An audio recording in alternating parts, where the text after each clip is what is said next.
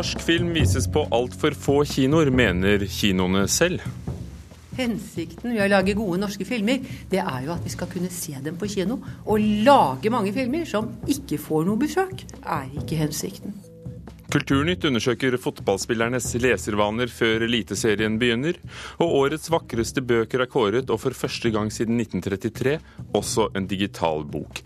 Og Fredagspanelet samles her i Kulturnytt. I Nyhetsmorgen i NRK med Ugo Fermariello i studio. Bare 13 byer i Norge viser den nye norske filmen 'Elsk meg' når den får premiere i dag. For få får anledning til å se norske kvalitetsfilmer, mener kinoenes egen organisasjon, Film og Kino.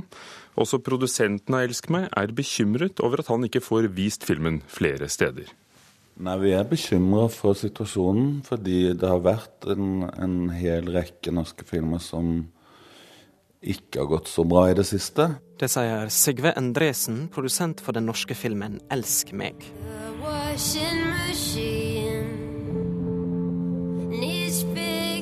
Har ikke hørt noe fra ham. Filmskaperne har fått 4,5 millioner i statlige tilskudd til å lage filmen, som har premiere i kveld. Men foreløpig blir han satt opp på bare 13 kinoer. Hvis man ser trenden over tid, eh, så føler jeg at det har blitt tyngre å få ut disse kvalitetsfilmene. Direktør i bransjeorganisasjonen Film og Kino, Lene Løken, mener at slike smale såkalte kvalitetsfilmer fortjener et større publikum. Hensikten med å lage film, og hensikten med å lage gode norske filmer, det er jo at vi skal kunne se dem på kino og andre kanaler. Eh, å lage mange filmer som ikke får noe besøk, det er ikke hensikten. Medan produsenten for Elsk meg har premierenerver, trekker Lene Løken fram én film som hun mener burde blitt sett av flere. Jeg ser fortsatt i drømmer. Løken sitt døme er regissør Eskil Fugts 'Blind'. Trass i priser og kritikerjubel har filmen bare blitt vist på 30 norske kinoer. Hittil har litt over 10 000 kinogjengere sett han. Fugt vedgår at han hadde hoppet på mer. Jeg er jo veldig glad i hvert fall at de som ser filmen, liker filmen. Det er jo det viktigste for meg. Men man vil jo selvfølgelig også at filmen skal nå uh, så bredt ut som mulig. Så da er man kanskje litt, litt skuffet. Løken mener distributørene som selger og sender ut filmene til kinoene, bør legge mer arbeid i å få filmene ut til mindre kinoer. Norske distributører har en tendens til å begrense lanseringen eller eh, utbredelsen av disse filmene til de største kinoene. Nei, Jeg kan for så vidt være enig i at man godt kunne legge ned mer arbeid i det, men det må jo da lønne seg. Sier Guttorm Petterson, som leder organisasjonen for norske filmdistributører. Han sier distributørene er nødde til å sørge for at de får inntekter. Det er det springende punkt. at uh, Distributørene kan ikke ta et ansvar for filmformidlingen til de minste kinoene. Men for å få flere til å se filmene, foreslår Lene Løken nå At man skal bruke mer penger på lansering og tiltak ute på kinoene. Og hvis man må ta det fra produksjon, så blir det heller å produsere færre filmer. Nei, det syns jeg jo er eh, et litt sånn merkelig eh, belteslag kanskje i forhold til norsk filmproduksjon, som, som nå har vist en, en, veldig fin tendens både hjemme og, og ikke minst ute. Og ute har filmen 'Elsk meg' allerede hatt suksess med en filmpris fra Abu Dhabi. Nå gjenstår det for produsent Sigve Endresen å se hvordan filmen slår an her hjemme. Man kan ikke eh, være bekymret når man holder på i den bransjen her. Da, da kan man bekymre seg i hjel, tror jeg, hvis man skal holde på med det. Så man må være litt optimist. Og reporter her var Lars Ivar Nordahl.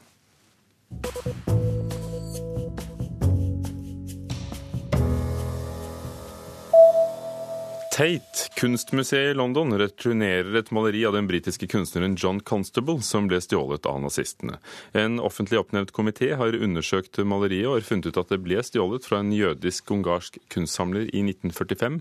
Komiteen kritiserer Tate for ikke å ha undersøkt maleriets proveniens godt nok, og nå gir museet maleriet tilbake til familien etter den opprinnelige eieren.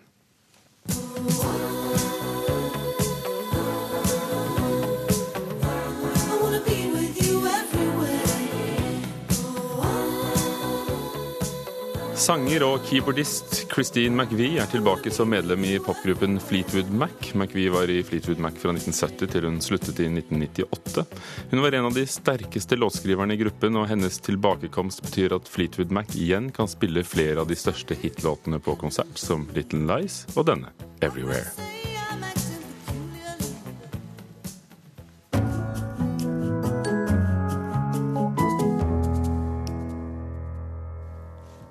Jo Nesbø og fotballbiografier er blant yndlingslektyren til norske fotballspillere.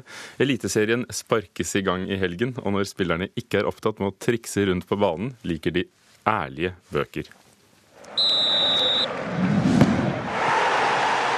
Nei, jeg syns han, eh, han, er veldig hva skal jeg si da, veldig ærlig åssen eh, livet hans har vært. Han hatt, eh, hatt det tøft. På nattbordet til Vålerenga-spiller Niklas Gunnarsson ligger selvbiografien 'Jeg er Zlatan', om den svenske fotballstjernen Zlatan Ibrahimovic.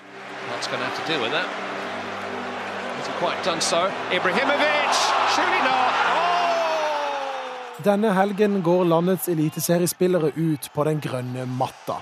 Det er nå det gjelder. Eliteserien 2014 sparkes i gang. Men hva leser de norske fotballspillerne når de skal motivere seg før kamp?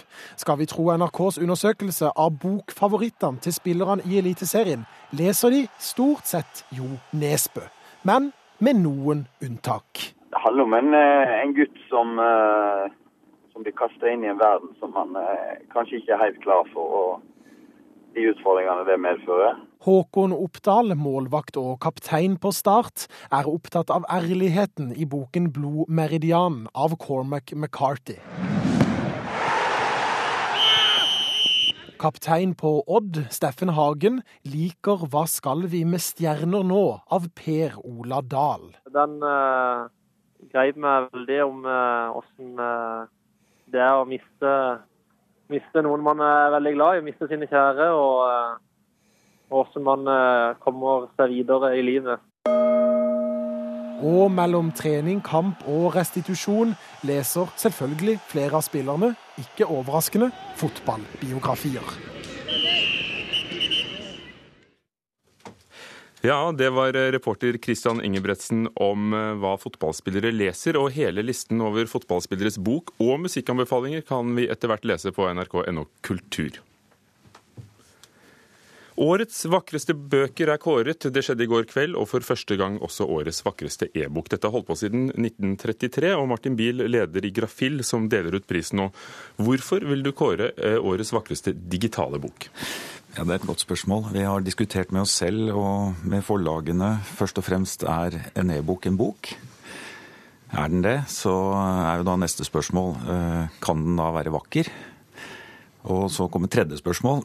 Er det da mm, nok e-bokutgivelser i Norge som kan forsvare en slik pris?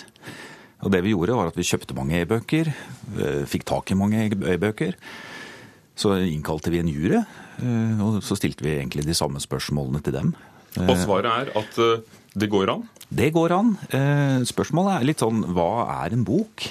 Hvis en bok er noe på papir med bokstaver i og bilder i, så er jo svaret nei. Da finnes det ikke en vakker e-bok.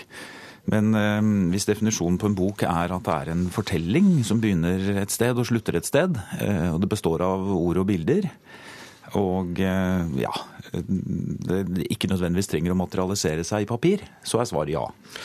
Og juryen kom frem til at årets vakreste digitale bok i Norge, det er 'Kubbe lager skyggeteater' av Åshild Kanstad Johnsen. Gratulerer. Takk.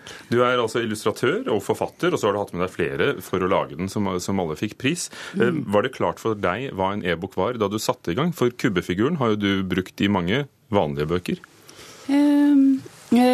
Jeg har tenkt litt over det. Jeg hadde uh, turnert med den første boken min. Uh, og så hadde jeg lest det høyt for klasse med bilder vist på skjerm. Uh, og det, det, som jeg fant ut da, var at det funket ikke å bare vise oppslagene. Jeg måtte gjøre det på en annen måte. Så, så, så da begynte jeg å, å, å, ta bilder. Jeg gikk nærmere inn på de forskjellige tingene. Som jeg snakket om. Eh, rytmen ble litt annerledes, eh, rett og slett. Jeg kunne vise flere bilder. Og jeg gikk eh, nærmere inn på handlingen og kunne styre litt mer.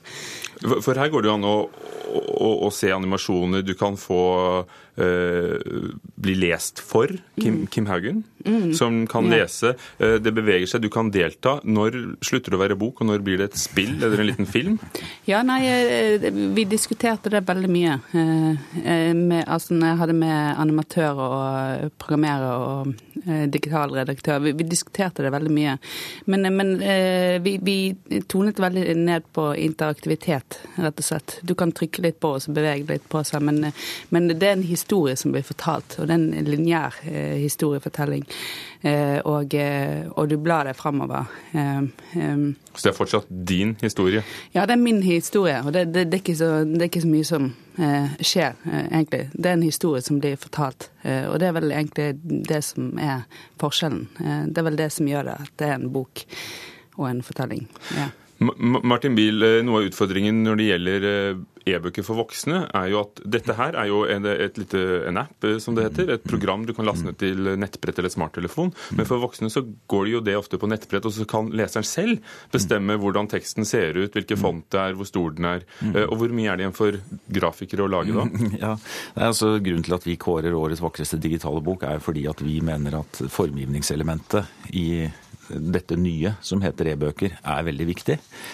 På samme måte som det er det i papir. Eh, men eh, altså eh, hvor mye det er igjen. Altså, vi, vi, ser at det er innenfor barn og ungdom de nye nyskapningene innenfor e-bøker skjer. Og vi håper jo at innenfor kokebøker, kunstbøker, fotobøker, at der også e-bøkene kommer mer og mer. Savnet du følelsen av papiret, omslaget? Nei, nei, det gjør jeg jo ikke. Eh, når jeg holder på med én ting, så går jeg jo inn i den eh, tingen. Jeg liker veldig, veldig, veldig, veldig godt papir. Eh, men eh, da lager jeg papirbøker. Og når jeg lager digitalbøker, så liker jeg jo det. Og, du får jo muligheter til å gjøre ting. Du kan legge på musikk, du kan legge på litt animasjon, du kan gjøre små ting. Mm. Og Kubbe lager skyggeteater ble altså årets vakreste i sjangeren. Takk skal du ha, Åshild Kanstad Johnsen, og leder i Grafil, Martin Biel. Vi kan ikke nevne alle vinnerne, men de ligger der ute. Du hører på Kulturnytt i Nyhetsmorgen, overskriftene i dag. Flere vogntog stikker av fra Vegvesenets kontroller, men hjullåsen som kan brukes for å stanse dem, kan bare brukes om vinteren. Havbruksnæringens landforening forsvarer at det brukes palmeolje i fiskefôr. Letingen etter det savnede flyet fra Malaysia er gjenopptatt etter dårlig vær i går. Leteområdet er flyttet etter ny informasjon. Og senere her i Kulturnytt samles Fredagspanelet ganske snart. Nasjonalmuseet har bestemt seg for å erstatte dagens fire venneforeninger med en kunstklubb. Det er en grov nedvurdering av venneforeningens betydning og virke, skriver styrelederen i Arkitekturmuseets venner, Kjetil Kiran, i et brev til Nasjonalmuseet. Og dette er slik han reagerte da han fikk beskjeden. Vi er forbauset og forarget og litt forfjamset. Sier styreleder Kjetil Kiran og fortsetter ved juletider så fikk vi hver for oss i disse venneforeningene bare presentert som et faktum at nå hadde museet bestemt at de skulle lage en kunstklubb i stedet. Og forutsetter da at eh, venneforeningene legger seg ned, oppløser seg og overfører medlemslistene til disposisjon for Nasjonalmuseet. Det har vært snakk om å eventuelt etablere én forening lenge. Men de eksisterende venneforeningene har vegret seg og ment at tiden ikke er inne til en sammenslåing riktig ennå. Det er en sterk identitet i disse foreningene knyttet til de gamle museene som nå har avdelinger under Nasjonalmuseet. Og så har man tenkt at ja, dette kommer nok når vi får det nye museumsbygget på, på Vestbanen på plass. Men Audun Eckhoff, som er direktør for Nasjonalmuseet, har ikke tenkt å vente til det nye Nasjonalmuseet på Vestbanetomta i Oslo står innflyttingsklart i 2019. Han er i gang. Vi arbeider for å etablere en kunstklubb. Eh, og det skjer eh, i en dialog eh, og etter møter med alle de fire foreningene. Det er to perspektiver. Det ene er at vi er ett museum. Det er ettertrykkelig markert i og med onsdagens byggestart for Nasjonalmuseets bygg på Vestbanen. Eh, og med det markerer vi at vi går inn i en situasjon hvor vi ikke bare er én organisasjon og har flere ansikter utad, fire museumsinstitusjoner som i hvert fall er besøkssteder, men vi kommer til å ha ett samlet bygg. Var det nødvendig å gjøre det på den måten at dere bare sa at nå skjer det? Eh, vi oppfatter at vi har tatt en relativt eh, myk kommunikasjon om dette. Vi har hatt møter med alle venneforeningene, noen av dem flere møter. Eh, dette var jo noe som ble foreslått eh, for mange år siden. Eh, I hvert fall å slå sammen venneforeningene til én venneforening. Når har, har, dere tatt mål av dere til å presentere denne kunstklubben? Vi har en ambisjon om å gjøre det i løpet av året. Dette ser vi på som et strategisk arbeid nettopp i arbeidet for å utvikle relasjoner, også samarbeidsrelasjoner og til og med sponsorrelasjoner, i årene før bygget står ferdig sa Nasjonalmuseets direktør Audun Eckhoff om ideen om å lage en ny kunstklubb til vår reporter Sølvi Fosseide.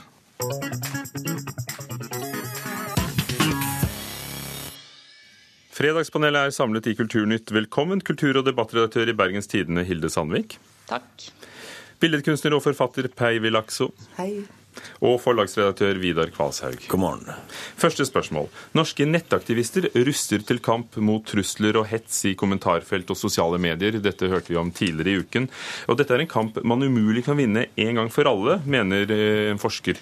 Eh, skal aktivister og redaktører like gjerne gi opp en kamp de umulig kan vinne, og heller la de såkalte nettrollene operere i mørket?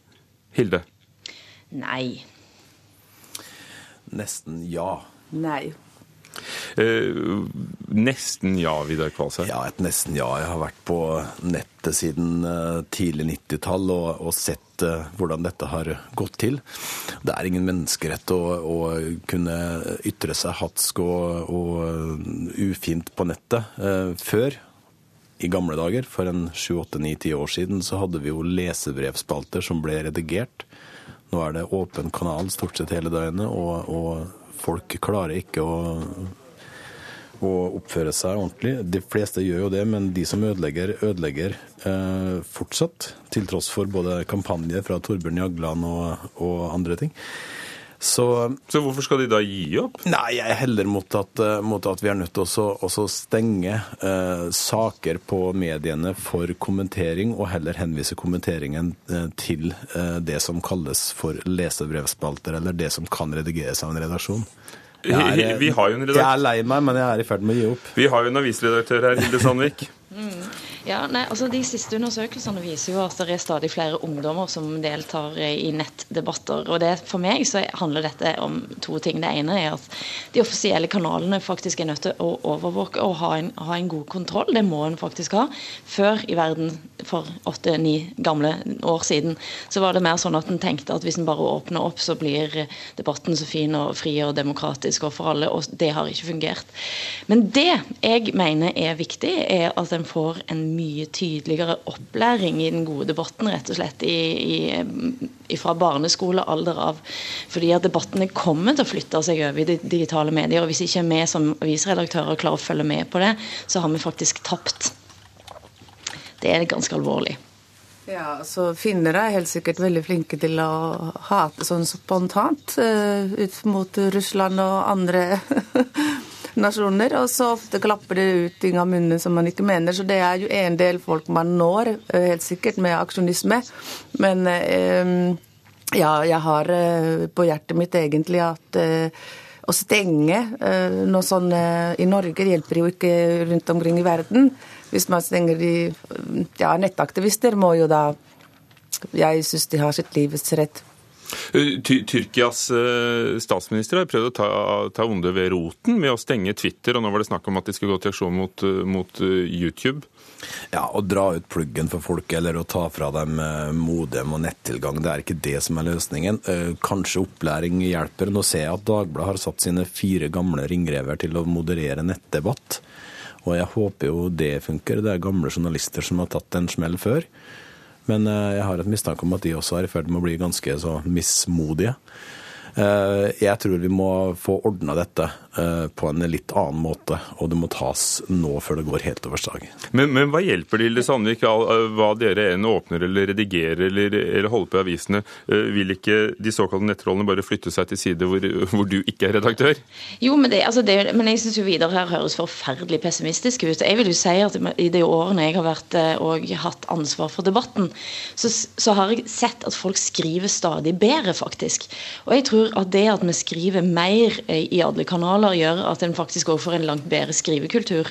Så, så jeg, jeg, er, jeg, er, faktisk helt uenig i at det går så gale veien. Jeg tror sånn, altså Dagbladet vet jeg har slitt, eh, og det er noen som sliter mer enn andre av de offisielle. Det største problemet for oss er at de viktigste debattene bare sluses rett over i Facebook eller Twitter eller andre sosiale kanaler.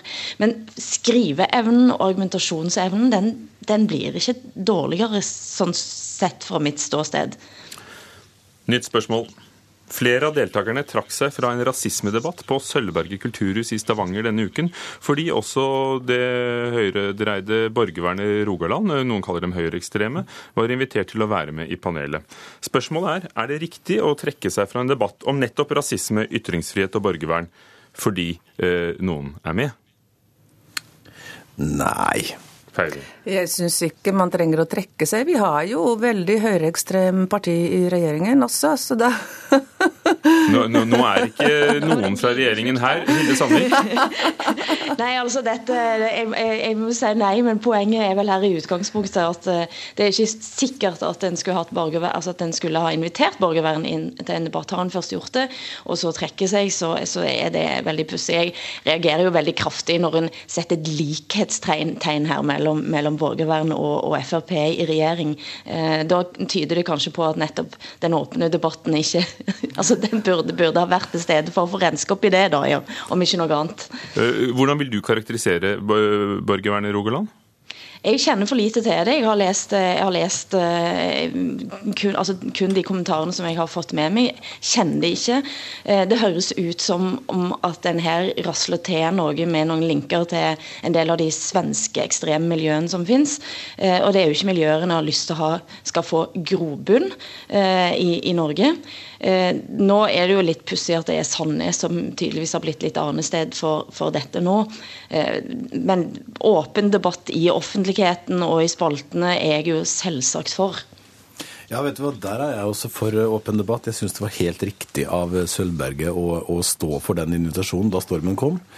Eh, men jeg tenker at de som trakk seg de aller siste dagene før debatten, eh, som for så vidt visste hva dette var på forhånd, da, da blir jeg litt sånn eh, Og da, da, tenker jeg at det er en sånn unnvikelse som, som fremstår som, som svekkende. Mm. De visste lenge hvem som skulle delta og hva de sto for. Dette er ikke noe julekveld på kjerringa for de som bor der nede. Det ble jo da en eh, press, press fra de, raskt, de som var, var, var, raskt ute. Så da fikk de pressa politikere ut av denne samtalen. Men jeg syns det hadde vært veldig interessant å se hva som hadde skjedd under selve panelet.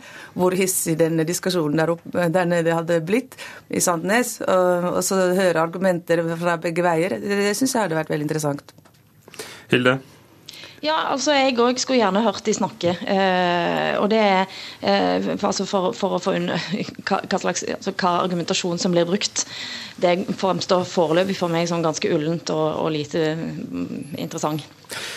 Denne uken har vi også hørt at stadig flere pårørende ønsker ferdig innspilt musikk, og det er ofte popmusikk, og ikke bare Bjørn Eidsvåg, eh, i begravelser. Kirken stritter imot. Eh, I Stavanger har biskopen skrevet brev og sagt at salme og det levende orgelet er noe helt for seg selv. Eh, spørsmålet er bør Kirken gi opp kampen for salmene i bryllup og begravelser?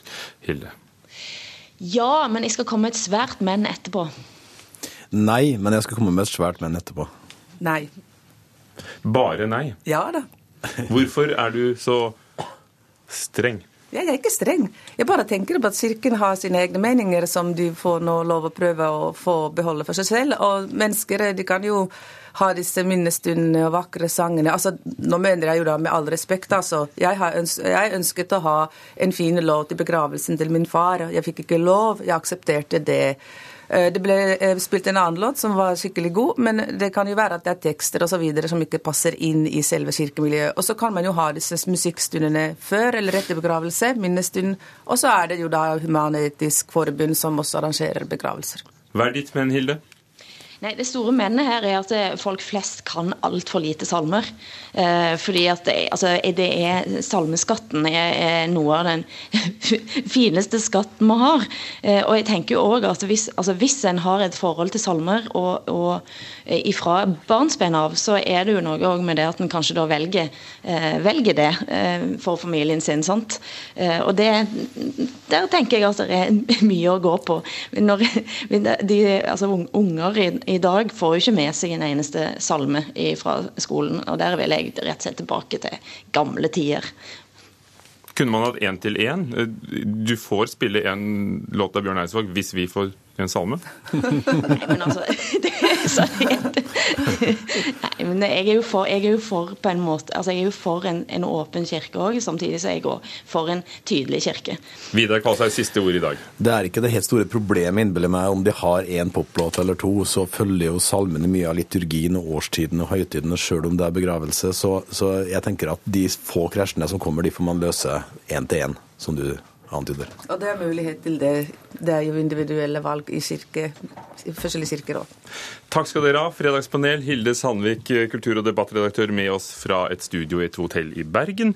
Kunstner og forfatter Peive Lakso og forlagsredaktør Vidar Kvalshaug. I Kulturnytt har vi hørt at bransjeorganisasjonen Film og Kino mener at det er altfor få kinoer som viser nye norske kvalitetsfilmer.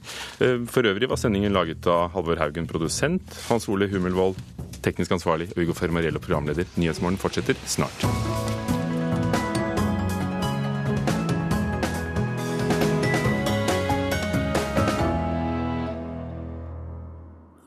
Hør flere podkaster på nrk.no podkast.